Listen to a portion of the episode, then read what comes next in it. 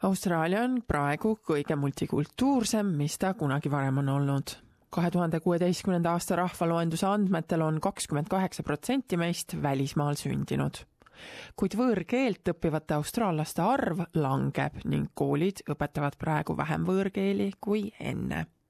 samas on kakskeelsuse kasulikkus tõestatud SBS-i ajakirjanik Amy Chen Yu Wang vahendab, et noored austraallased kaotavad võõrkeelte vastu õppimise huvi kõigest kaksteist protsenti kõigist praegustest keskkooli õpilastest õpib võõrkeelt, mis on märkimisväärselt vähem, kui seda oli nelikümmend protsenti kõigist keskkooli õpilastest tuhande üheksasaja kuuekümnendatel aastatel.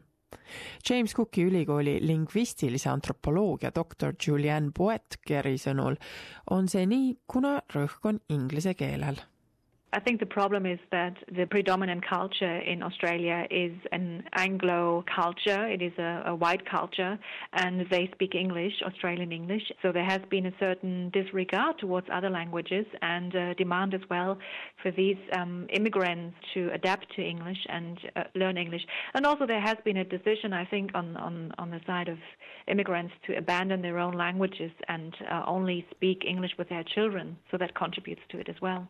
Doktor Potkeri sõnul saavad austraallased võõrkeele õppimisest tohutut kasu. That is simply a window to another culture, a window to another way of thinking, and they need to be able to adapt to other ways of thinking as we are becoming increasingly globalized. doktor Poetker ütleb, et see on ka kasulik üldisele tervisele From a neurological perspective, there's also some evidence that being bilingual actually increases the plasticity of the brain. And with that, it makes it also easier for individuals to be more flexible in adapting to new learning tasks and new challenges. And this is basically also what we need nowadays in, in today's demanding world. kahe tuhande kuueteistkümnenda aasta rahvaloendus näitab et, et kakskümmend protsenti austraallastest räägib kodus peale inglise keele mõnda teist keelt Griffithi ülikooli doktor Susanna Eisenschlassi erialaks on esimese ning teise keele õppimine ja multikultuursus. tema sõnul nõrgeneb kooli minnes laste kodune keel. We have about 300 languages spoken in Australia, and this is not counting Aboriginal languages. Then we have monolinguals coming to university, and we expect them in three years to become fluent in language. And on the other hand, the children who could be the true bilinguals in the country end up losing the minority language unless the parents maintain the language at home.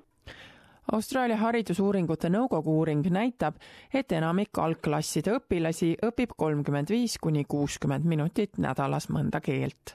doktor Susanna Eisenschlassi sõnul peaksid Austraalia koolid eraldama rohkem aega keeleõppele One hour is nothing. We come from other countries and we know how difficult it is to achieve a good level of proficiency. If there was a good commitment and the children were, were taught languages, let's say three, four hours a week, this would start making a difference.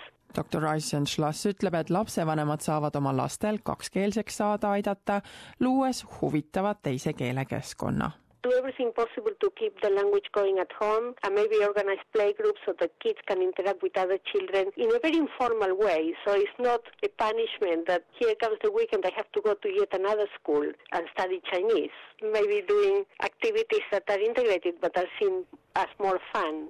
võõrkeelte õppimisega seoses on SBS-il kuni esimese septembrini käimas üleriiklik keeltevõistlus, mille eesmärk on keeleõppe vastu armastuse tähistamine. kõiki võõrkeelt õppivaid õpilasi oodatakse sellest võistlusest osa võtma. selleks tuleb võistlusele saata enda tehtud video teemal, mis keele õppimine sinu jaoks tähendab rohkem infot võistluse kohta leiate kodulehelt sbs.com.au kaldkriips NLC seitseteist